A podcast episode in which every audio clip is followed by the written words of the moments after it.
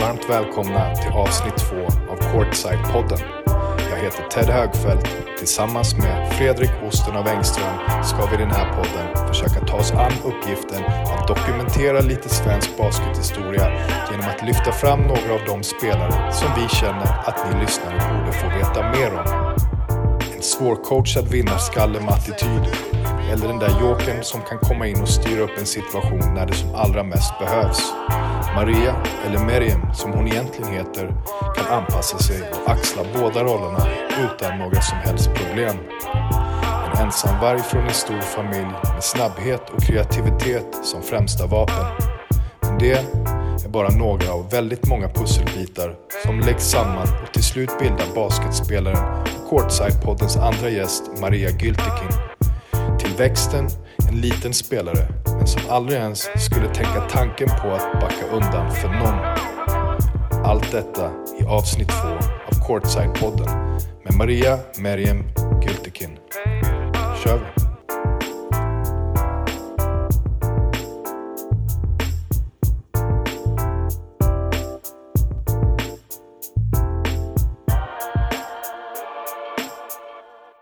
Och välkomna till Courtside-podden. Mitt namn är Fredrik Ostenaf Engström och eh, jag kommer vara i Ciceron här idag när ni kommer få höra en spännande berättelse om Maria Merjam Gultekins fantastiska basketkarriär.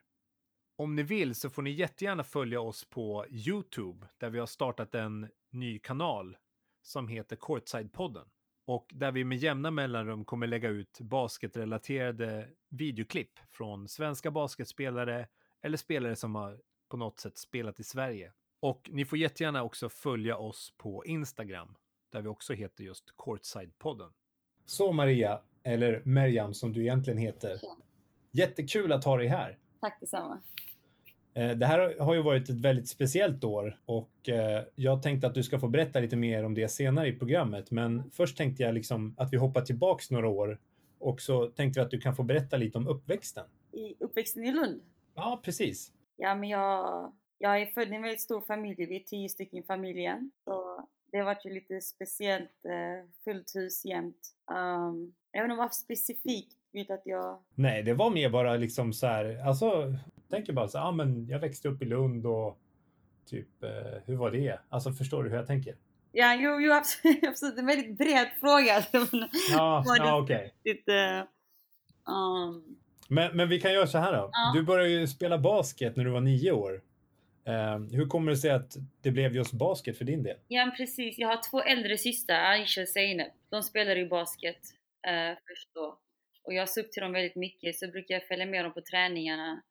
Och när jag var nio år spelade jag faktiskt volleyboll ett år. Och sen så följde jag med systrarna på deras basketträningar och tyckte det såg skitkul ut. Och det var så jag började liksom. Okej. Hur kommer det sig att det blev volleyboll då? Är det någon, någon annan du blev inspirerad av där? Min skolkamrat, hon spelar volleyboll och hennes pappa var coach. Så då tänkte jag, varför inte? Det var rätt kul faktiskt, men eh, tur att jag bytte sport för jag är inte rätt längd för det precis. ja, vad kul. Eh, jag vet inte om du har lyssnat på vår förra intervju med Matej Lampe? Jag lyssnade lite, jag var lite upptagen men jag tänkte fortsätta. Nej, det var lite kul. Han, eh, hans pappa var ju också volleybolltränare och er, erbjöd han en, alltså Svenska volleybollförbundet ringde upp han direkt så här, när de hörde att han var 2,13. Ah, Eh, så bara du, vill du spela i landslaget? Han hade inte ens spelat en enda match volleyboll. landslaget redan? Ja, så sjukt kul. De Ja. där långisarna, de glider på bananskal. ja, precis, eller hur? Så det var dina systrar då som, eh, som inspirerade dig till att börja? Ja men precis. Alltså de inspirerade mig och sen så, jag eh, gick ju på volley, basket två gånger i veckan då och sen eh, Mm. två, tre gånger i veckan och sen volleyboll. Men sen så blev det basket på heltid. Jag tycker det var så kul.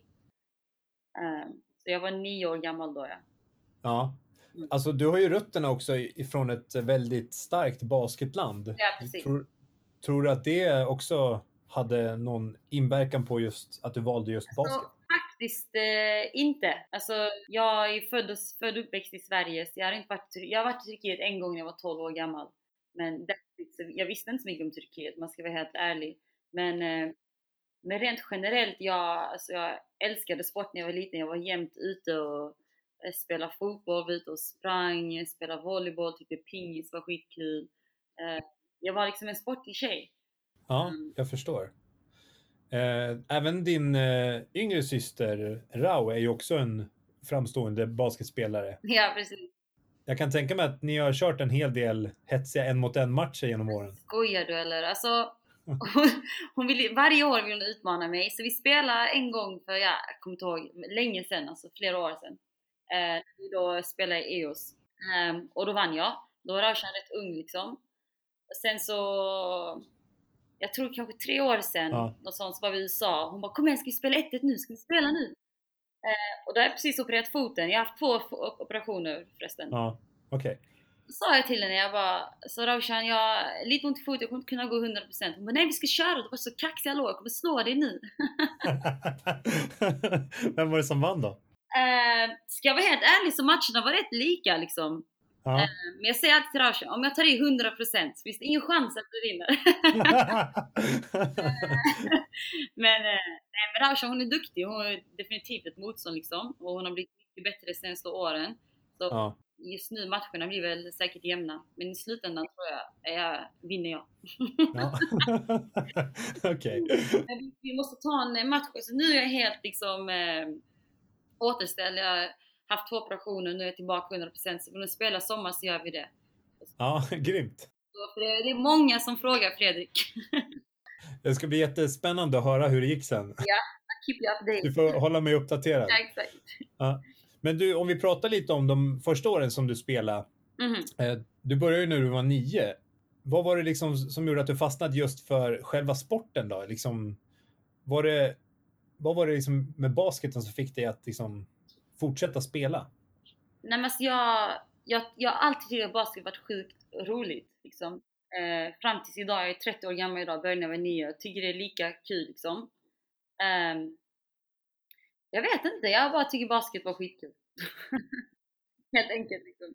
Minns du vilka spelare som du själv såg upp till under den här tiden? Um, Okej, så när jag började spela basket i EOS så hade vi ett damlag eh, på den tiden, alltså det var different. Då hade vi damlag som hette EOS Malbas, alltså EOS samarbetade med Malbas så det blev EOS Malbas. Jag tror vi hade, jag tror de var i SM-final det året. Eller eh, kanske när jag var 12 år gammal. Så det var jämnt i deras matcher. Jag Anette Möllerström och gänget. Um, jag, jag, jag såg mest upp till alla, jag såg upp till alla dem liksom. Men jag hade ju, men eh, om det, vi snackar Youtube och så, så var det Allen Iverson som jag alltid youtubade som liten. Ah, okej. Allen Iverson och Becky Hammond. Oh. Alltså hon är nog en av de få. Eh, alltså jag kollar igen på basket, jag tycker basket är skitkul att se. Men eh, jag tror det är mest Allen Iverson och Becky Hammond som inspirerat mig mest med deras move. Allen Iverson känner ju de flesta till, men Becky Hammond kanske inte riktigt alla känner till. Vad var det som fick dig att fastna just för Becky Hammond? Alltså jag tycker hon spelar så fint, alltså hennes moves eh, är som ingen annans. Hon är så, hon är så kort, hon var, hon var väl en av de kortaste i WNBA. Men sättet liksom, hon tog sig in i träskkundsområdet och eh, liksom avsluta mot alla långa spelare. Hennes deep range, hon sköt treor långt ut. Och bara hennes eh, så självförtroende. Men alltså när jag växte upp och så kort som jag var så var det var många som liksom hade saker att säga om min längd. Men jag själv, jag såg mig själv som en eh, kort, jag är en kort spelare men jag, jag känner mig inte så på planen. Än, än idag känner jag mig inte kort på planen för jag tycker jag spelar stort. Så min längd, eh, jag, jag personligen tycker det varit, varit ett problem liksom. Um, Jag tror att hon, hon var väl två centimeter längre än vad du var, tror jag. ja men Eller exakt. Vad du är med det. Ja exakt. Eh, 1,68 tror jag hon är. Eh, Mm, jo, hon är en 60. Men det är också Fredrik med skor på. Ah, det, där ser man. Men du, eh, något som är sjukt häftigt. Jag såg en bild här för någon dag sedan, typ när jag såg så här, Becky Hammond posta upp mot Margot Didek. Har du sett den bilden? Ja, men hon spelar försvar. Ah, den är så sjuk så här. En spelare som är Den är typ sjuk. 2,18 liksom och så bara står hon där och postar bort den. Ja, så det är en jävla legendarisk bild alltså. Ja, verkligen. Är den. Jo, eh, Lund som du kommer ifrån är ju känd för att vara en studentstad Ja. med allt vad det innebär. Vad, hur skulle du beskriva att det var att växa upp där? Alltså Lund är en skön stad. Den är liten, mysig. Alltså när säsongen väl drar igång, alla studenter är där, så det, det är livligt då. Men så fort Mm. eh, skolan är slut, universiteten stänger ner, så är det eh, tomt, det är dött liksom. Det är en, det är en fin och mysig stad. Men alltså när jag växte upp, alltså, jag var liksom, det var basket för full rulle. Träna hem, Mm. hem, träna, träna hem. Det vart liksom inget annat. Så jag hängde inte runt så mycket om man ska säga så. Men när du inte var och tränade och spelade matcher liksom i EOS-hallen? Nej men då var jag, alltså Fredrik, vet du? Eh, Hels, eh, ja, alltså då åkte jag, brukade åka till Helsingborg på fritiden, kolla ligamatcher. För ett tag var Helsingborg i ligan. Öresunds... Nej, vad heter de? Jag kommer inte ihåg vad de hette. Men eh, jag liksom åkte tåg dit, tog kanske 40 minuter, kollade på deras match, kom hem igen. Ja, okej. Eh, brukade åka till Ängelholm och kolla matcher. Ärlig basket då eller? Ja exakt, exakt. Jag, ja, de var i ligan då tror jag. Ett tag. Men EOS, liksom din moderklubb, är ju en av Sveriges äldsta basketföreningar. Mm. Vad, och du spenderar ju ganska mycket tid där liksom under ungdomsåren. Vad skulle du säga är det absolut viktigaste som du lärde dig i EOS och som du har tagit med dig i, liksom vidare i livet? EOS när jag växte upp, alltså de hade ju lag i varje ålderskategori. Så det var alltid en familjekänsla och skön känsla att komma dit liksom. Det var basketkultur. Och en sak med EOS som jag insett nu i efterhand, det är liksom att jag tror många tog EOS för givet. Alltså bara förutsättningar vi hade att gå dit och spela när vi ville, träna när vi ville, gymma. Liksom, det var mitt andra hem liksom. Jag tror inte många andra klubbar har de förutsättningarna som vi hade i EOS. För det är jag alltid tacksam. Ehm, men förutom, eh, jag hade ju jag hade ju en bra coach där när jag spelade. Niklas Najafi, jag vet inte om du vet vem det är. Jo, Men han var, du vet om det? Ja? Mm. Alltså han var väldigt viktig för min karriär. För han, han var inte bara en basketcoach utan han var en life coach också. Han brydde sig om hur det gick för oss i skolan, hur vi betedde oss. Han, han lärde oss inte bara basket, han lärde oss disciplin, självrespekt. Ja men du vet. Allt annat omkring som är så viktigt för att vara framgångsrik i framtiden. du, jag har faktiskt en liten hälsning från honom här. Jag ska se vad han sa. Aha, Fredrik. Jag menar eh, Niklas Najafi. Ja, precis. Niklas. Och eh, han eh, sa så här. Jag frågade lite så här vad han, ja, hur det var att coacha dig liksom. Mhm. Eh, och då sa han så här. Jag trodde på Maria, men hon har ofta ansetts vara lite för egen och inte riktigt getts chansen i blågult. Och eh, det började redan när hon var liten. Eh, och det är ju en person som lyssnar lite sådär lagom på vad omvärlden säger åt henne. och eh, många i Sverige har ju ganska svårt för det. Medan det för alla som bryter ny mark krävs att man lyssnar men inte lyssnar. Mhm. Han sa det också att din patenterade vänster push hesitation och sen ny vänster push minsann som, som om det var igår. Och den fanns där redan från början. Och sen att eh, det finns ingenting som har lyckats knäcka dig trots att många coacher och tyckare kanske inte riktigt har gett dig det förtroendet som du borde ha fått. Mhm. Fina ord. Ja, Mm, det, allting stämmer nu rätt bra. Niklas han känner mig väldigt väl. Vi är i kontakt än idag. ja, ja men kul. Men du, det blev ju sen en liten avstickare och du stack ju iväg till Huskvarna och gick på Sanda. Ja, Där du också hade sällskap av några andra talanger från Lund som Mhm. bland annat Helen, Helen Findlay, Beata Gullberg och Stina Ekberg. exakt. Och sen eh, var väl Hanna Johansson och Ainur Bilbani där också. Exakt. Och Lucille Fredriksson.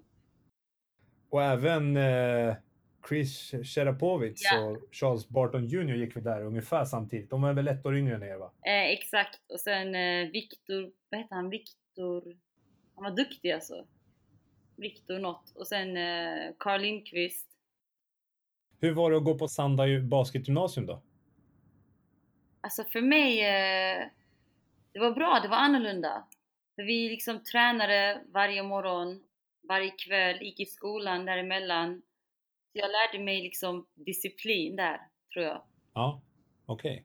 Um, och det, det var en kul upplevelse också. Vi bodde med de andra, vi bodde ihop med de andra spelarna på internat.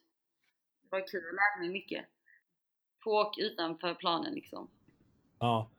Spelade du, ni spelade väl eh, matcher också? Var det i basketettan ni var? Ja, vi var basketettan, exakt. Uh, och sen uh, Hur gick det liksom i basketettan där då? Så jag kommer inte ihåg vilken placering vi fick, men det gick bra. Vi hade ett bra lag liksom. Mm. Det enda jag inte tyckte om med Sanda var att alla skulle få eh, samma minuter på banan. Liksom, allt, det var alltid jämnt fördelat. Och för mig, eh, ja det var väl helt okej okay, men eh, alltså jag är tävlingsriktad så jag känner att eh, spelar du bra ska du vara kvar på banan. Men så var det inte på söndag. Nej, okej. Okay. Jag tror jag, jag, efter första året åkte jag tillbaka till EOS, men om du visste det?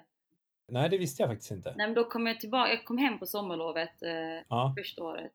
Och så hade jag en konversation med Fredrik Gullamo och han coachade ju då laget i Basketettan där. Så sa han Maria kom hem. Eh, vi har eh, signat några nya bra spelare och jag tänkte att eh, liksom, vi kan få upp ett bra lag i år och, och vinna. Och jag blev sjukt sugen på det. jag förstår. så jag, ja. eh, jag stack aldrig tillbaka till Sandö utan jag ringde bara dit. Jag pratade med Denis Arlander och jag sa att jag är klar. Jag ska tillbaka till EOS Lund.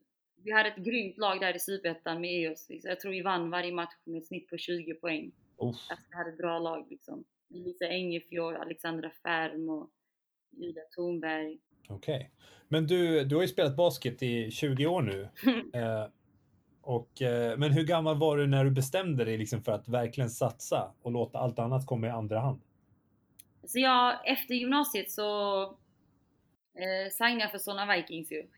Var, var det då du kände liksom att nu, det är nu det liksom gäller? Ja, jag kände lite så. Alltså jag, var, jag var där i två år. Jag kände okej, okay, jag gillar det här livet. Jag brinner för mm. basket. Och, men nu vill jag vidare liksom. Alltså, vi gick till final första året och andra året eh, gick vi till semifinal tror jag. Men jag, jag hade två bra år. Mitt andra år gick bra. Jag tror jag snittade runt 15 poäng. Jag kände att det är dags att, att gå vidare. Och då sökte jag in till... Eh, och då, nej, men då pratade jag med en agent, en italiensk agent. Och då hade han något eh, förslag från andra ligan, Italien och sånt. Men samtidigt så kom jag i kontakt med en turkisk agent, en av de bästa. Och då sa hon att jag behövde turkiskt pass för att kunna spela i Turkiet. Så då åkte jag dit med min pappa. Och så fixade vi passet, det tog bara några dagar. Och så signade jag för eh, Samson Janik då, i andra ligan i Turkiet. Och det året... Eh... Ni, var, ni vann ju hela skiten där Ja, vi vann skiten. Men ni, ni vann inte finalen väl? Alltså vi gick till Final Four, sen så ja. slutade det upp med att vi gick upp i högsta ligan liksom. Ja men precis. För ni fick väl, var det inte playoff och sådär? Exakt, det var, det var ja. ett playoff system och sen sa de final four, alla lag möter alla. Um, sen gick vi upp i högsta ligan och då signade jag tillbaka med Janik då, ett andra år. Ja. Då var vi i högsta ligan, mitt första år i högsta ligan. Men eh, det var lite, alltså de, eh, klubben de satsade i stort, de, vi hade ett eh, sjukt bra lag ju. Vi hade Emma Carville, Cheryl Ford, Danica Hodges, Tanja Chiro, en, en bra italiensk spelare. Och så hade vi några eh, erfarna turkiska spelare, så vi hade ett bra lag. Och många trodde att vi skulle vara ett ja, top 3 team. Men du vet, de kunde inte hålla budgeten riktigt. Laget föll sakta men säkert isär. Men det är vanligt i Europa. Du, jag, jag, vill jättegärna snacka mer om, om det här sen, men jag, jag, hade en grej som jag missade här innan mm. bara, som jag skulle vilja klämma in innan. Och det, jag snackade lite med, med din gamla lagkamrat här, Kajsa Lundahl. Ah, okej. Okay. EOS-legenden som har spelat 11 säsonger i det grönvita linnet. Yes, respect. Och eh, jag frågade lite så här vad hon tyckte om att spela ihop med dig. Och yeah. eh, hon, sa, hon sa det liksom att eh, ni lärde känna varandra på riktigt i EOS-hallen och att du stack ut ganska mycket eftersom du plockade in element från streetbasken in i 5-5 basket du har alltid tyckt om att skjuta så här långt utanför trepoängslinjen, mm. vilket innebar att du sköt så här NBA-treor. Som liksom, på den tiden så var ju trepoängslinjen närmare korgen på ja, den exakt. sidan. Mm. Och du, så här, du sköt alltid så här aslångt ifrån liksom och att du alltid har kört din grej och spelat på ditt sätt och inte låtit någon hålla dig tillbaka. Exakt. Och sen så tycker hon att du har en sjukt inspirerande inställning och attityd på planen. En killer instinct. Och, sa även att du är den bästa pointguarden som hon har spelat ihop med. Och sättet som du leder ditt lag på och din grymma court vision växer inte på träd. Tack Kajsa. Och sen att du liksom inte heller ser din längd som ett problem utan möter du någon som är två meter så backar du liksom inte. Nej, absolut inte. Och det sista hon sa var att hon tycker det är riktigt tråkigt att inte fler människor i Sverige har sett dig spela. För hon tror verkligen att du skulle kunna inspirera så sjukt många ungdomar på hemmaplan. Mhm, jag håller med. Tack Kajsa.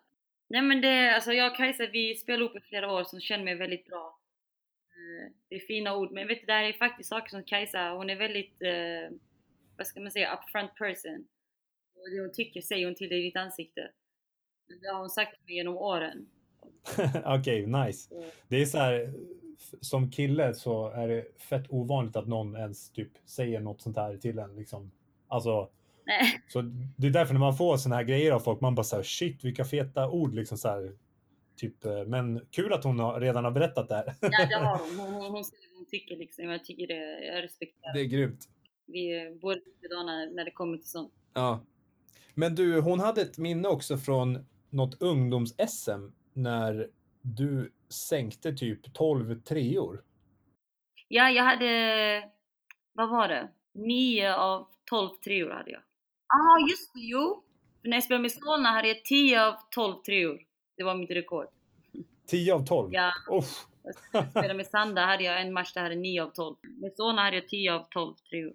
Ah, shit. Och vet du, de jag missade, de var airball. Men eh, du blev ju uttagen till svenska ungdomslandslagen som väldigt ung. Mhm. Minns du liksom första gången som du blev uttagen? Alltså jag tror inte jag minns första gången jag var uttagen. Jag har, alltså det enda jag minnen av är alla läger, matcher och sånt. Mm. Och det är fina minnen. Det var kul tider. Du är ju faktiskt en av ytterst två svenska spelare som har ett EM-guld också. Ja, Från Jyväskylä 2006. Ja, minnen det alltså. Vad, vad kan du berätta om den turneringen? Eh, det var en kul turnering. Vi hade Peter Johansson som coach. Eh, vi hade ett bra lag. Och Vi, uh, vart det Vici då? Ja, Vici, Sally, Daniel tror jag. Ja, Ja. vi hade ett bra lag. Uh, Stefan Ideström. Cleo Forsman var också med tror jag. Just det, Cleo var också med. Ja. Um, och eh, jag vet inte, min roll i landslaget då var liksom, de tog mig lite som en joker. Så, Mm. När saker och ting inte gick bra, Maria kom in, fixade bilden och så ut igen. Det vart jag lite bitter över genom åren faktiskt, för jag tyckte att jag förtjänade mer. Men ehm, Ja, men jag tänkte det är ändå fint att man ska komma in och rädda matchen, men ändå jag fattar vad du menar. Man vill ju ha från start såklart. nej, det är inte många som kan göra det. Ehm, men, ehm, men jag tror så i finalmatchen då, jag kommer ihåg det som det var igår. Jag, liksom, jag var på bänken, vi låg under med kanske 12 poäng, eh, 15 poäng. De hade kunnat få en another run och bara du vet, glida iväg. Men då bytte han in mig och jag, jag ska inte sitta här och säga att jag gjorde massa poäng. Jag gjorde lite poäng men liksom jag ändrade hela spelbilden med min energi och fart eh, och kreativitet. Och så kom vi tillbaka in i matchen, fick ledningen och då bytte han ut mig och någon annan och in med startfemman igen. Och sen vann vi. Men eh, jag kände att jag var en stor del av den vinsten ändå. Mm. Eh, jag har hört att folk som var där var typ så här, alla började typ heja på er i slutet, typ även motståndarlagen typ hejade på Sverige i slutet. Fredrik, det kommer jag inte ihåg. Nej, okej. jag, jag tror att det var Vici också som snackade om det, att det var så här, det var hennes, ja, det fetaste hon varit med om typ, när alla började heja på er. Det var stämning, det var stämning, helt klart. Men det har jag inte stort minne av. Ja, nej men det var överfett. Vi hade skitfett. Just det, Shanik, nu kan vi gå tillbaka dit då. Du, du pratade ju att du skrev på för dem Mhm. och då spelar du ju bland annat Cheryl Ford Mhm. som är dotter till Carl the Mailman Malone. Och eh, hon har ju, till skillnad från honom, lyckats vinna tre gånger. Han har ju 19 säsonger och inte lyckats vinna en enda titel. Och jag vet att jag har läst någonting om det, liksom att så här, att hon sa det till farsan, bara, ah, men typ, nu, har, nu kan jag kalla mig något som du aldrig har varit, liksom. Jag är champion. det visste jag inte. Nej, okej. Men hur var det att spela med henne liksom? Det var kul, alltså, hon är en bra spelare. Mm. Det var mest hennes karaktär jag var lite paff över. För jag var ju ny, jag hade inte spelat med så mycket så här, legender förut liksom. Och hon, hon var en riktig diva. Aha, Alltså, okej. kommer du ihåg vår eh, första vecka hade inget wifi. Och de är lite sega med sånt i Turkiet liksom. Ja. Men här kommer legenden Cheryl Ford och vill att allt ska vara liksom perfekt. Och, och så, ja hon stod i korridoren i hallen i lobbyn och bara I need to have a wifi by tomorrow. Och jag bara wow. Det var lite nytt för mig. Men skön tjej allmänt. Duktig på planen. Stark, stor kropp, bra på att fånga bollar. ja. Hon var sjukt eh, dominant in, in the paint liksom, eller hur? Ja, absolut. Ja. absolut. Hon var duktig.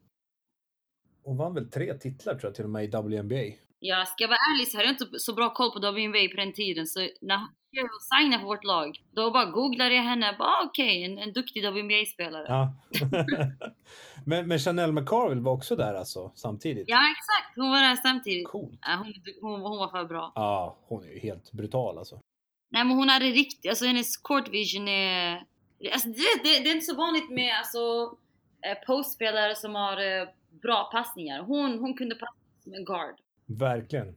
Jag håller med. Och hon var också väldigt supportive. Alltså hon gav tips och så. Um, men hennes game var different. Uh, än idag finns det ingen som henne. Nej. Du, eh, var The Mailman och kollade på någon match med er eller? Uh, nej, han, honom såg jag aldrig. Nej, okay. Det hade varit coolt. det hade varit riktigt coolt. Ja. Um, men uh, du var ju 22 vid det här laget och bodde själv i ett annat land. Hur hanterar du från att vara borta från familj och vänner? Du, jag flyttade hemifrån när jag var, var 15 eller 16. Och sen uh, bodde jag i Solna i två år. Och sen när jag kom till Turkiet, så för mig, jag har alltid varit en ensamvarg. För jag är uppväxt i en väldigt stor familj. Mm. Liksom, mamma var hemmafru, pappa var alltid på jobbet. Um, det var inte som att jag fick så mycket uppmärksamhet där hemma, utan jag var alltid alltså, för mig själv. Mm. Jag gjorde allt. Alltså, jag gjorde min egen frukost, tog mig till träningen själv när jag var nio år gammal. Alltså, jag har alltid varit en ensamvarg, så för mig, eh, det har inte varit eh, svårt liksom. Nej. Jag har lärt mig disciplinera mig själv mer med tiden, på egen hand. Ja. Eh, och det var rätt skönt om jag ska vara ärlig. Alltså, jag tänkte, jag växte upp i ett hushåll med, med tio pers jag hade aldrig mitt eget rum. Jag ett rum med två eller tre personer. För mig var det skönt, det var frihet. jag förstår. Men du, efter åren i Chanik så byter du klubb och hamnar i ett lag i östra Turkiet på gränsen till Syrien. Hur hamnade du i Hatay? Hur hamnade jag i Hatta? Jag bytte agent och då sa han att ja, men Hatta är intresserade. jag bara okej. Okay. Det spelar ingen roll för mig, basket är basket. En riktigt tråkig stad. Men eh, det var en... Eh, Hatay, alltså de är fortfarande i högsta ligan och, men på den tiden alltså, de betalade alltid tid. En professionell klubb, bra lägenheter, servicen var bra, allt var bra. Så jag hade jag bara bra minnen från Hatay. Och jag spelade även tillsammans med Binta Dramme. Hon sang för Hatay samtidigt. Och Ashley Kiva? Och Ashley Kiva också där. Alltså vi hade ett roligt år. Och vi var grannar, vi bodde i samma byggnad. Så. Ah. Men du, hur var det att bo där då, liksom geografiskt sett? För det är ju betydligt närmare Aleppo än Istanbul. Märkte man det i vardagen? Nej, jag kände inte av någonting. Nej. Binta sa att jag skulle fråga dig om hur du upplevde det att bo hos henne den första tiden innan du fick din lägenhet. jag Binta, alltså vi, vi är blod. Vi är sjukt nära. Alltså vi är inte kompisar, vi är systrar, okej? Okay? Ja. Men vi är väldigt olika som personer, okej? Okay? Okej. Okay. Uh, men, uh, ja men till exempel hon lägger sig tidigt, jag lägger mig sent. Ja, det, det, var väl det största problemet egentligen. Annars alltså, har ju kul ihop liksom. Vi lagade mat ihop, uh, vi, vi pratade om allting så. Ja. Men jag behövde anpassa mig med läggtiden och att vara tyst liksom. Jag fattar. Det, det är de flesta problemen när de delar rum med mig. Men uh, what to do, it's me. Men ni hade lite strömavbrott också, tyckte hon nämnde. Turkiet, det händer en gång i veckan. Jag hade senast strömavbrott igår. Aha. Tur att jag inte har det just nu. Okay. det händer ofta. Ja. Eh, men du stannade i klubben ett år. Liksom. Hur, hur skulle du beskriva det här året i Hatay? Vi, alltså vi, uh, vi hade ett hyfsat lag, men så här var det. Vi hade ingen riktig så här stjärnspelare som tog ansvar när det väl behövdes. Så matcherna gick bra. Men vi förlorade liksom med 4 poäng, 2 poäng, 6 poäng. Du vet. Mm. Så efter halva året så eh, stack Sandra Gravide, en rätt duktig spansk guard, och så signade de med Natasha Lacey. Och hon är liksom, hon är bra. Så när Lacey kom till laget, hon tog mer ansvar, så vi började vinna några matcher då. Vi höll oss kvar i ligan. Så hon var liksom vår savior, om man säger så. Ja. Binta tyckte också jag skulle fråga hur det var liksom att, från att vinna allt under försäsongen till att förlora när allt började. jag känner att vi hade en riktigt bra preseason. Vi hade en bra trainer. Ja. Så vi, liksom, vi var ute och joggade eh, sex på morgonen. Vi hade bra lifting sessions. Vi hade bra träningar liksom. Så vi, vi var väl förberedda eh, under preseason. Till skillnad från andra lagen. Så vi vann ju rätt många matcher där och vi, vi såg bra ut som lag. vi hade ett helt okej lag, men vi hade ingen spelare som riktigt så här stack ut, eh, liksom tog ansvar när det väl behövdes. Så det var det vi behövde lite. Så hade vi haft det från början så hade kanske säsongen sett annorlunda ut. Det var ju ganska många bra spelare liksom, i ligan det här året. Bland annat eh, Tina Charles och Angel McCautry i Fenerbahce. Ja, den tiden, då var, det, då var ligan bättre. Alltså bättre spelare. Just nu alltså, är det helt okej, okay, men inte som förut. Nej, okej. Okay. Men eh, jag tror Fridas Eldebrink spelar väl i Besiktas också va? Ja precis, vi mötte ju Fridas lag ja. Besiktas. Lindsey Whalen var också med. Ja precis, jag jag har bra minne av, eh, mitt första möte, min första match mot Lindsey. Hon är också en spelare som jag brukar gå in och youtuba hennes moves. Så när jag spelade för Tjenik då, mitt första år i Super League, så, alltså jag var ju en bänkspelare, jag var backup guard. Mm. Och den eh, matchen var, jag tror någon var skadad, någon amerikanska var skadad. Så coachen bara, ah, Maria du kommer starta idag. Mot Galatasaray. De, de var bra på den tiden. Och Lizzie Whalen, eh, hon var starting point guard. Ja, jag, var, jag var ju nervös men jag var riktigt excited. Det var inget jag visade såklart. um, och matchen gick bra liksom. Vi förlorade några poäng bara. Ja. Uh, så när vi skulle tacka efter matchen så när jag kom till Lindsay så tog hon tag i min hand, gav mig kram och bara uh, Good game, keep pushing. Uff. Så, och sen tog vi en bild efteråt. Så, Shit vad coolt. Ja. Mm. Under de första åren i Turkiet, liksom, kände du att de svenska landslagscoacherna höll koll på det som du gjorde och presterade i Turkiet? Mina första år i Turkiet? Ja.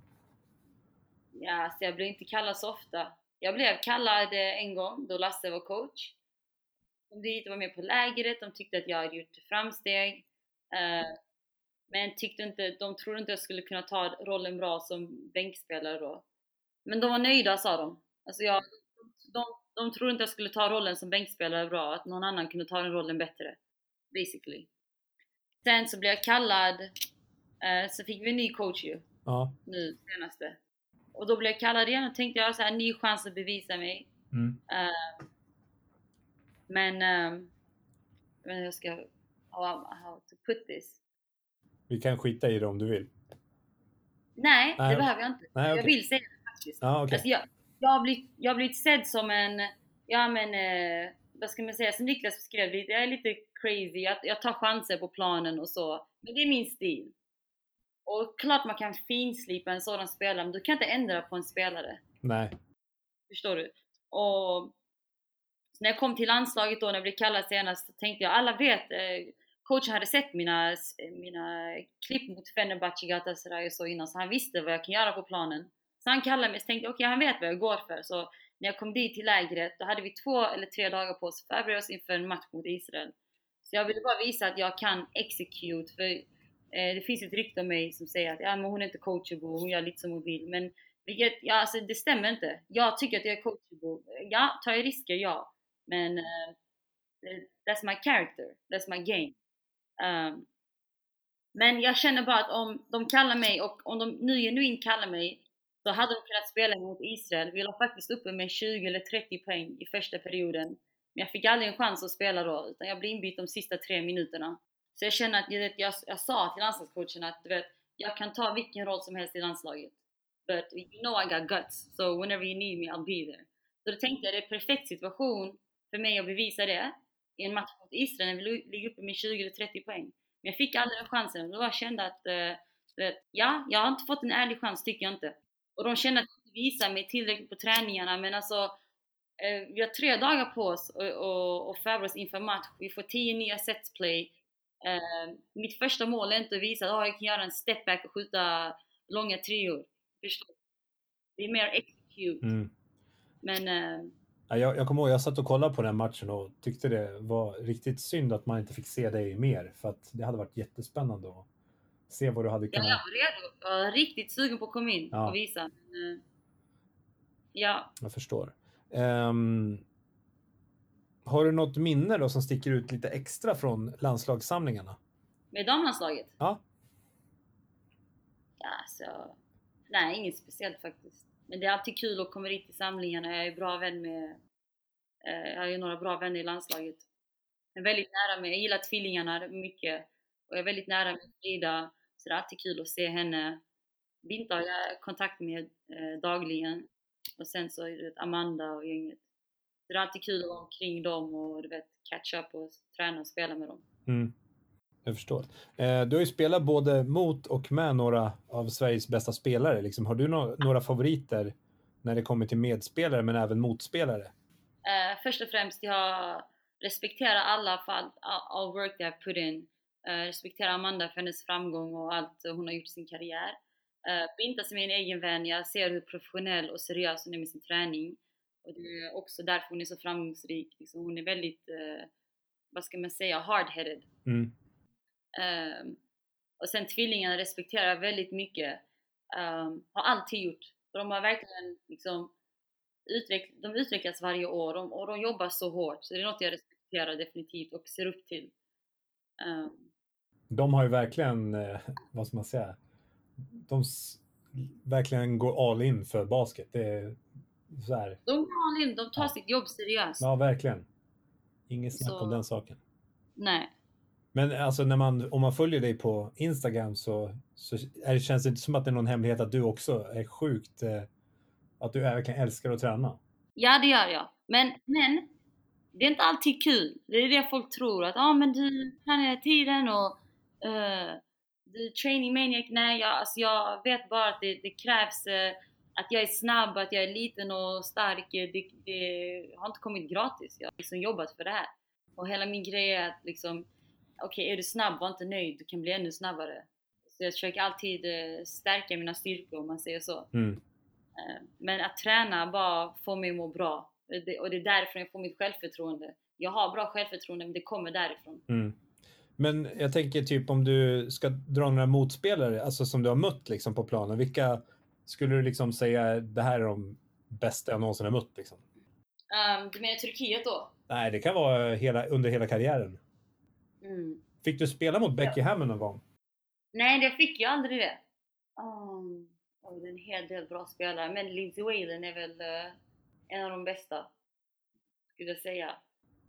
Um, men ärligt talat, min lagkamrat i år, hon heter Naira Fields. Ja.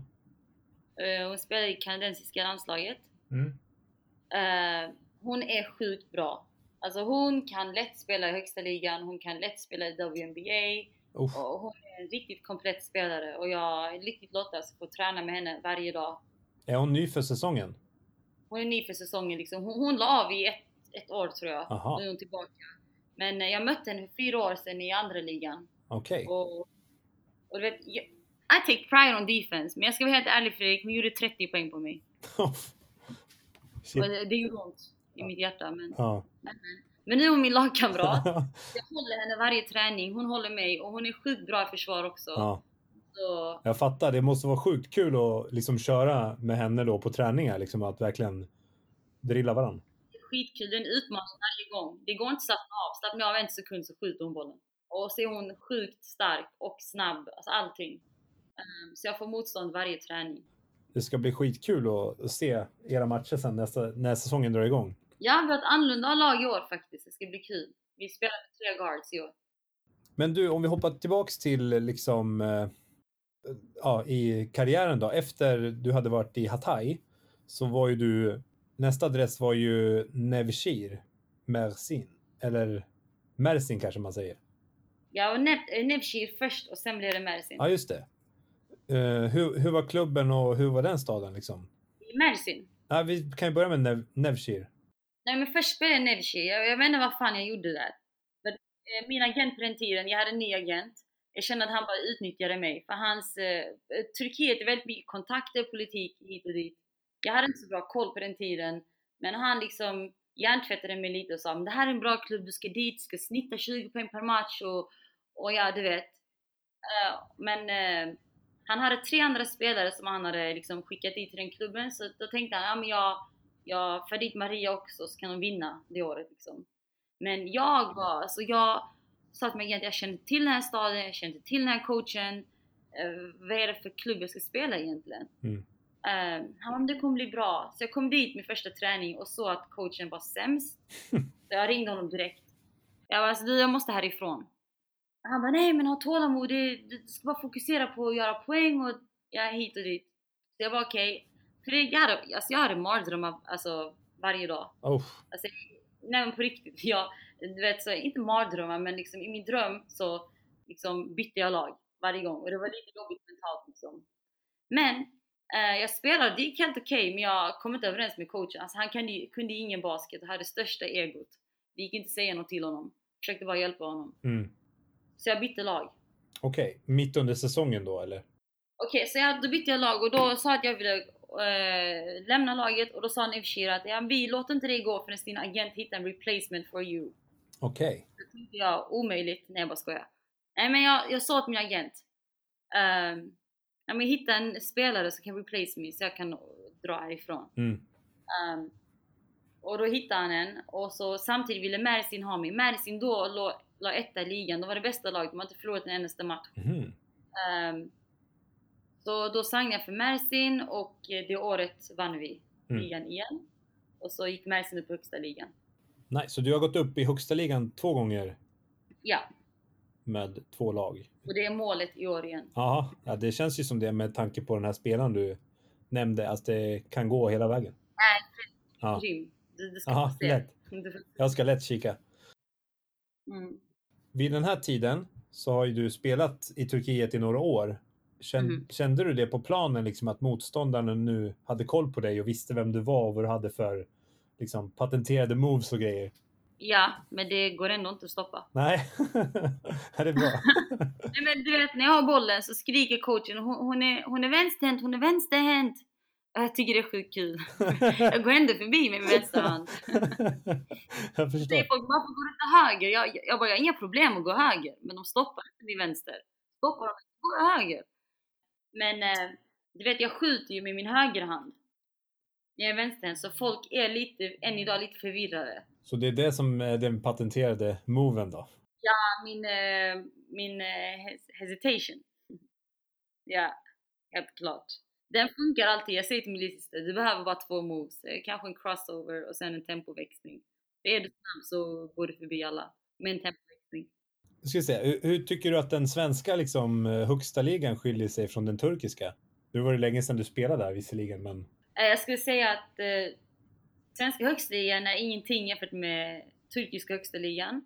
Jämför svenska högsta ligan med andra ligan så är det många andra lag som hade slått de bästa lagen i svenska högsta ligan. Ja. Okej. Okay. Ja, lite så.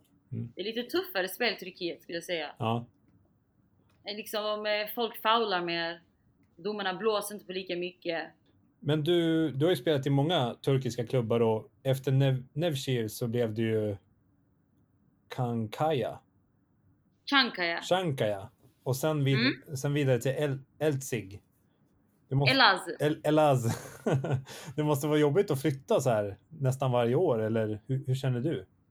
Nej, alltså jag har blivit van vid det. det. Och det är väldigt normalt i Turkiet att eh, spelare byter lag varje år.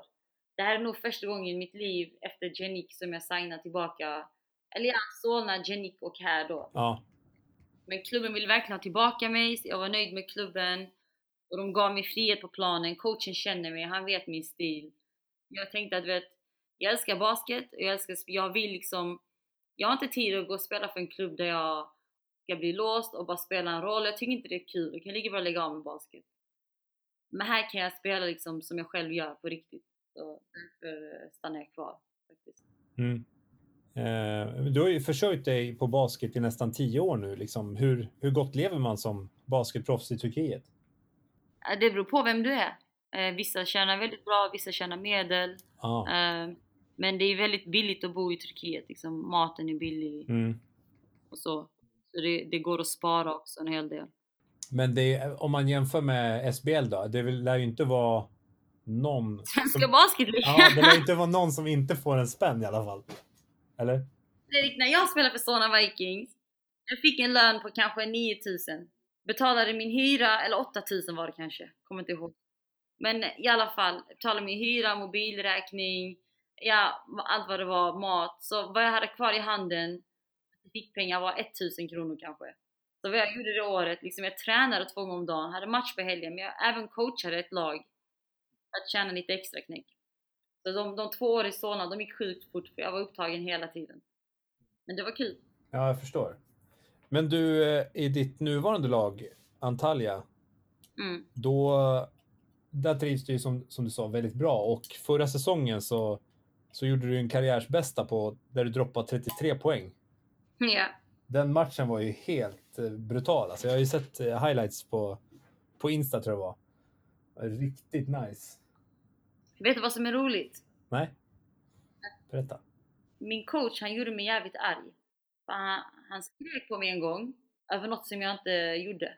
På den matchen? Något i försvar. Ja. Så jag blev riktigt sur, så jag var sur på honom. Men jag, blev, så jag tror det var det som hjälpte mig, för jag blev sur på honom så ville jag bara att han, eh, jag ville bara bevisa för honom. Ja, men fan då måste han ju göra det mer gånger ju. Ja, jag tror, jag tror det. Vi får snacka om det den här säsongen. jag sa aldrig det till honom. Men eh, han, han gjorde mig sur och då blev, de flesta, oftast när han gör mig sur då spelar jag bra. Okej. Ehm, men som jag nämnde i början av intervjun här så, så är vi inne på väldigt speciella tider just nu och du valde att stanna kvar i Turkiet när många utländska spelare valde att åka hem till Sverige. Hur var det liksom att befinna sig där när allt det här med corona drog igång? Alltså Turkiet var ju väldigt sena med alla redigeringar. Alltså vi, eh, vi hade ingen karantän i början och köpcentren var öppna. Så allting kändes vanligt i början. Medan eh, omvärlden liksom agerade. Ja, Men sen blev det en eh, lockdown och då, det var rätt tråkigt. Satt hemma för mestadels av tiden. Men jag valde mest att stanna för att alltså, vädret är skönt i Antalya. Jag hade min lägenhet och jag liksom, så fort gymmet öppnade igen gick jag och tränade varje dag utan distraktioner. Distractions. För när jag åker hem och hälsar på så liksom, jag har en stor familj och så måste jag träffa alla och så vänner hit och dit. Eh, så det är distractions left and right. Men här kände jag att jag kunde vara fokuserad. ja just det. Det rapporteras ju ganska mycket om så här, Sveriges coronastrategi. Speciellt i början av pandemin. Hur, hur var det att behöva följa allt sånt här från Turkiet då? Alltså hur Sverige hanterar eh, corona versus Turkiet. Ja men precis, alltså typ så här kände du så här shit fan Sverige gör rätt eller typ de gör fel eller alltså. Nej men jag alltid, jo jag känner att Sverige gjorde rätt. Mm. Jag, jag ser ingen alltså, sens i lockdown. Alltså, Turkiet, vi hade så här, var fjärde dag hade vi lockdown liksom. Och varannan vecka var det en lockdown en vecka och sen så de ändrade på det hela tiden. Men de bara bestämde sig för att ja, om en vecka ska ni stanna hemma i tre dagar. So it didn't make sense. Um, men jag tycker med det här med, alltså det spelar ingen roll hur många lockdowns man har, alltså om alla tar ansvar så blir det bättre till slut. Det var väl Sveriges strategi lite. Ja. Men du, din syrra spelar ju också i Turkiet i klubben Adana med Nathalie Fontaine. Mhm. Eh, gav du henne mycket tips i början av liksom, hennes Turkiet-karriär? liksom, hur saker och ting funkar eller låter henne lista ut allt på egen hand? Absolut, jag ger alltid min syster tips och hon, är trött, hon blir trött på mig ibland. Men eh, jag sa till henne, det är skillnad mellan andra ligan och högsta ligan. Eh, vad, jag, vad jag säger till min syster oftast är att du måste bevisa dig själv. Och är du i andra ligan, då handlar det om att göra, jag menar alltså, är du inte i ett topplag så handlar det om att göra poäng. Och det är så folk ser dig. Och det är sanningen. Eh, men jag sa till henne att nu, så hon fick ett erbjudande från högsta ligalag. Och då sa jag till henne, Raushan det är ditt första år i högsta ligan. Allt behöver göra är att ta upp bollen och vara stabil. Och då kommer folk vara nöjda med dig. Eh, och hon kände liksom mycket press i början, att jag måste bevisa mig, jag måste bevisa mig.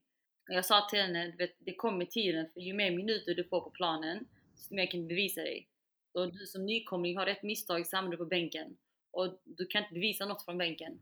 Så se till så att du får minuter på planen först, Mm. bygga upp ett förtroende och sen så kan du sakta men säkert liksom, eh, vad heter det, improve your game. Fattar du?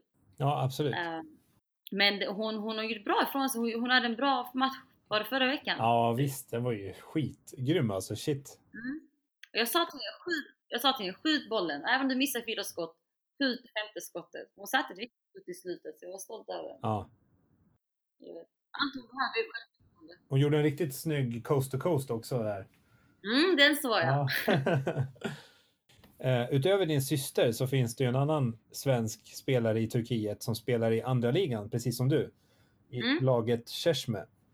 Ja, Çeşme. Çe- Denise. Çeşme, ja precis. Denise eh, Güneş. Japp.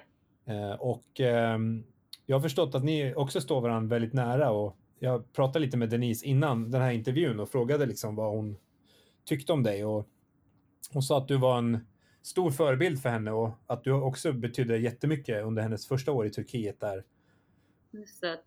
Och eh, att liksom, det var skönt att ha någon att bolla med liksom, eftersom det var så nytt med Turkiet och du fattade direkt när man liksom, ja, sa någonting och att det skiljer sig ganska mycket från svensk basket också.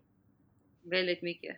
Och sen så sa hon, sa hon också att du är en otroligt bra spelare och att du har verkligen gjort dig ett namn i Turkiet. Och alla vet verkligen vem du är och hon inspireras skitmycket av dig över ditt sätt att Mm. vara. Och sen att ni brukar hänga ut kvällen innan ni spelar match och snacka lite och sådär. Och Absolut. sen blir det inte samma sak när ni kliver in på planen. Då blir det inget gullande. Då är det båda vinnarskallar. Det är vi absolut. Ehm, men jag, när jag fick reda på att Denise skulle signa i Turkiet, jag kände inte Denise på den tiden, förra året. Men jag skrev till henne direkt liksom. Eh, jag skrev till henne, lyssna så här är det i Turkiet. Eh, det är lite politiskt, eh, du måste vara tuff. Ta inte åt dig vad folk säger. Folk är rätt så, med ra- rakt på sak här borta. Ja, och ta för dig sa jag liksom. Mm.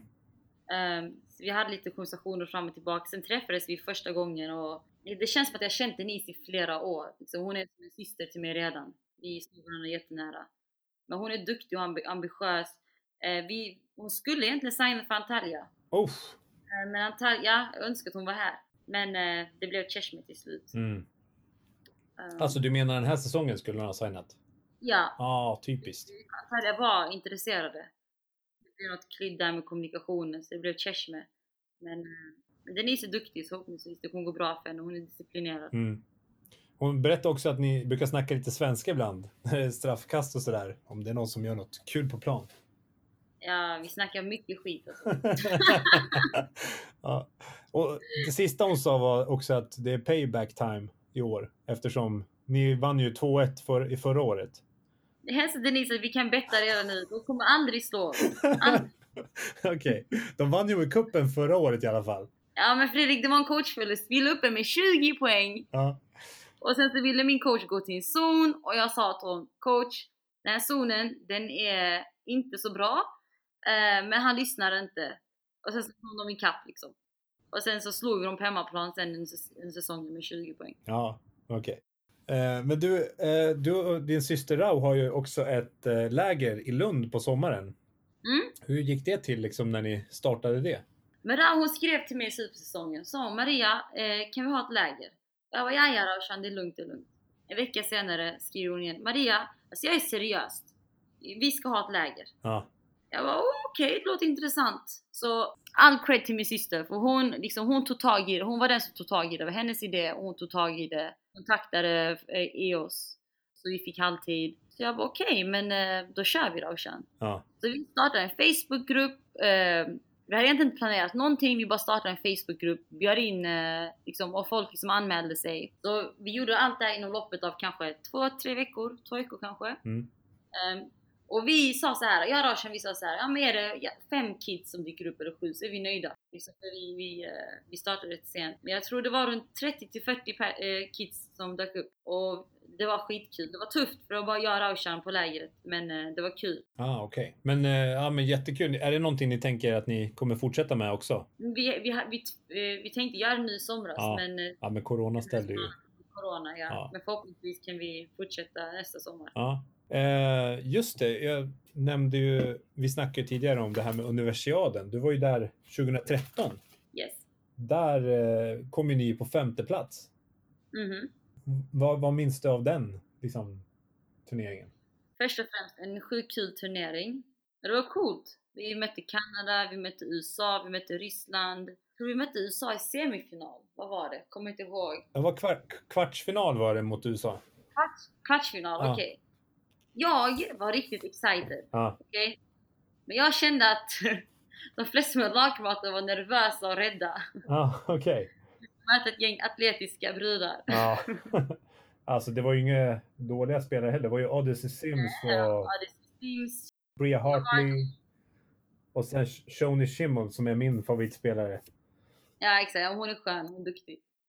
Verkligen. Det gick bra till en början. Vi spelade jämnt eh, fram till andra perioden men sen drog de iväg. Men, eh, men Rysslandsmatchen var ju, den var ju väldigt jämn. Vann vi den? För det kommer inte jag ihåg. var ju bara någon udd, Nej, men ni förlorade mot Ryssland. Det det var bara några poäng. Nu vet jag inte riktigt exakt. Jag har glömt att skriva upp det här. Men det var, alltså det kanske bara var typ fyra poäng det skilde eller något sånt där. Men ni vann ju alla andra matcher i, i serien i alla fall. Ja, Och du och Binta var ju grymma i Mongoliet-matchen där ni gjorde 16 poäng var. mm. Och så tror jag du drog tre steals och... Nej, tre assists och två steals. Mm. Och sen tror jag Binta gjorde fem steals och även Pernilla Hansson gjorde också fem steals. det, var, det måste ha varit en eh, kul match att spela. Ni lär ju ha lekt ganska mycket med dem. Med Mongoliet alltså. ja, säkert. Kommer ihåg det var någon match när vi utklassade dem. Ja. Eh, hur, och liksom, ni var ju verkligen... Du och Binta var ju on fire liksom. Vad, Ja. vad, vad minns du från den matchen? Jag minns inte så mycket, jag minns bara att vi uh, utklassade dem. Ja. Jag tror jag har några bilder från den matchen på Facebook. Det är de enda minnen jag har. Ehm, men Kanada, ni vann ju sen efter USA så vann ju både mot Kanada och Tjeckien och slutade på en femte plats. ja, Det måste ha varit grymt häftigt liksom i, när det var så många bra lag också i hela turneringen. Ja, vi hade rent allmänt en bra alltså, turnering. Jag minns inte så mycket i detalj från matcherna om jag ska vara helt ärlig. Nej. Men Nej, okej. USA-matchen. Jag förstår. Ska vi se, sista frågan här. Ehm, vad, vad har du för planer för framtiden då? Liksom, vad tänker du göra efter spelarkarriären är över? Om du nu, du kan ju, kanske ska spela massa år till, men har Um, du tänkt något på det? jag är väldigt, eh, jo jag funderar på att spela i flera år, några år till.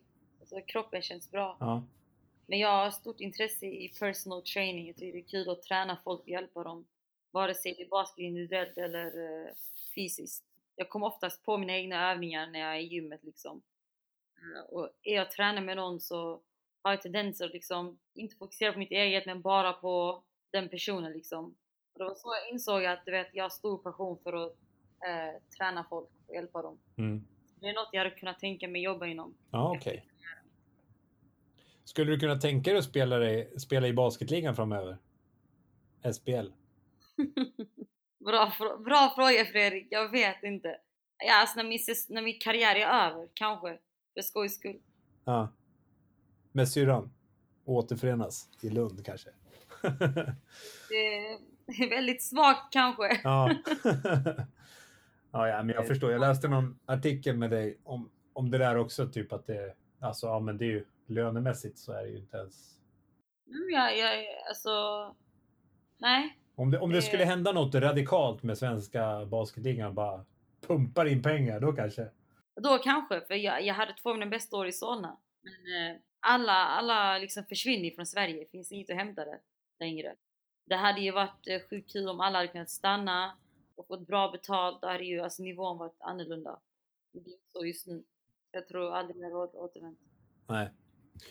Eh, det var väl egentligen det. Är det någonting du tycker som du skulle vilja prata om som jag har missat liksom? Um, jag inte verkligen komma på faktiskt. Nej. Du har väl uh, gått igenom det mesta. Ja, ja men precis. Yes. Sanda, Janik, nu. Ja. Um, Men var du med i något av land, landskap, eller vad säger jag, några, några mästerskapen, liksom EM eller sådär? Eller, Nej. För jag läste några artiklar, då stod det att du var med i alla fall i alltså den här bruttotruppen. ja men den truppen har jag alltid varit med i känner jag. Ja, ah. Nej. Men sen har du liksom blivit kattad i sista stund liksom, eller? Ja, ja exakt. På grund av att de inte tycker du är en bänkspelare, ish. Nej men alltså när, när Lasse var coach var det mer så de hade ett rätt bra lag. Ja. Och sen så de hade ju kunnat ta med mig som liksom en eh, joker typ. Mm. Då hade de redan, jag tror Malin Asa, som tog hon, hon gjorde den rollen bra liksom. Då kanske de kände varför ska vi röra till i grytan? Men eh, nu vet jag, ärligt talat vet jag inte just nu. Jag tycker att jag borde få chansen, jag tycker jag hade kunnat ha en plats i truppen. Det är min åsikt liksom. Um, men senast så var ju hälften av ordinarie truppen var inte med. Och då valde de att kolla på ung, nya unga spelare. Mm. Men jag, jag tänkte på det, alltså i och med att du stannade kvar i Turkiet, eh, tror du att det kan ha påverkat beslutet? Alltså att, för det känns ju som att de flög inte in många alls från andra länder. Typ alla de som kom Som typ... Men jag känner att om det är anledningen, Ja. då kommunicerar man det. Ja, då borde man ju säga det faktiskt. Ja, och sen även om, om, om, om du är en spelare som eh, svensk basket värdesätter eller så, så är du i kontakt med spelaren. Hur mår du? Hur går det? Ja, men vi kallar inte dig till det här lägret för att, men eh, det var ingen, det fanns ingen kom- kommunikation. Än idag är det ingen kommunikation. Nej, jag Det fattar. tycker jag är lite synd faktiskt. Mm. Men du, vi, vi kan ta bort det här också. Jag kom på, det kanske inte du vill snacka om. Nej, ja, det är ingen fara för mig. Okej. Så jag, jag bryr mig inte. Eh, jag är över svensk basket, helt. Ja, jag fattar. Eh, Men du, stort tack för att du ville vara med i den här podden och lycka till nu den här säsongen. Tack själv. Tack så mycket. Skitkul att lära mig Eh. mer om, om ja, turkisk basket och liksom, vad ska man säga? Jag, jag kan inte säga jättemycket innan den här intervjun. Nu känns det som att man kan hur mycket som helst. Keep in touch med säsongen. Jag tror att om två, tre veckor har vi turkiska kuppen. Kommer livesända våra matcher då. Uff, Så vi får liksom keep in touch och så lätt, jag ska lätt kolla fan. och ta en titt på oss. Vi har ett rätt intressant lag i år. Alltså, för de, de flesta i andra ligan så får man ju ha en import. Så majoriteten av lagen, eller jag skulle säga alla lag förutom vårt lag, tar in en, liksom, en stor femma, amerikansk liksom, rebounder, inside-spelare. Mitt lag, vi, de, det är liksom tradition i min klubb, man tar in en liksom grym point guard basically. Så spelaren vi tagit in i år, Naira Fields heter hon. Hon spelar liksom etta, tvåa, tvåa mest. Men grym poänggörare. Och så har de också signat en rutinerad point guard och så spelar jag etta, tvåa. Så vi har liksom tre bra guards. Vi är bra på guardpositionen. Alltså i, I min åsikt så är vi, har vi, är vi bäst på guardpositionen. Eh, vi är lite svaga inside. Alltså, och vi kommer vara svaga där. Eh, Det är liksom amerikansk versus turk där. Men så vår, vår stil när vi spelar, liksom mycket pick and rolls som killbasket. Det är inte så här system på 10 picks utan det är pick and rolls så fort du kommer på banan i princip. Eh, kommer över halvplan menar jag. Eh, så sättet vi spelar på är annorlunda så det har nog varit kul att se på. Så vi får se om det går lika bra i år med den här eh, de här nya spelarna. Ja. Men förhoppningsvis gör det det. Hur gick det förresten eh, förra säsongen innan corona? Var det, låg ni bra Det till? gick bra. Alltså vi, vi låg på tredje eller fjärde plats tror jag. Fjärde plats tror jag. Okej. Eh, och vi slog liksom ett bra lag den här sista matchen med 20 poäng. Alltså det, det, gick, det gick jättebra. Så äh, även om vi låg på en fjärde plats. Eh, vi var på väg mot slutspel. Och i slutspel är allt möjligt i vår liga. Alla lag kan slå alla. Så eh, det kändes bra. Så synd att corona hände för vi hade en chans att vinna. Lag hade svårt att matcha upp mot oss. För att vi var så liksom, vi var så guard-oriented, liksom, vi spelade pick and rolls hela tiden, attackerade mycket. Vi spelar liksom annorlunda basket känner jag. Jag hoppas verkligen att eh, Denise ansluter senare också. Det hade varit grymt. I samma lag.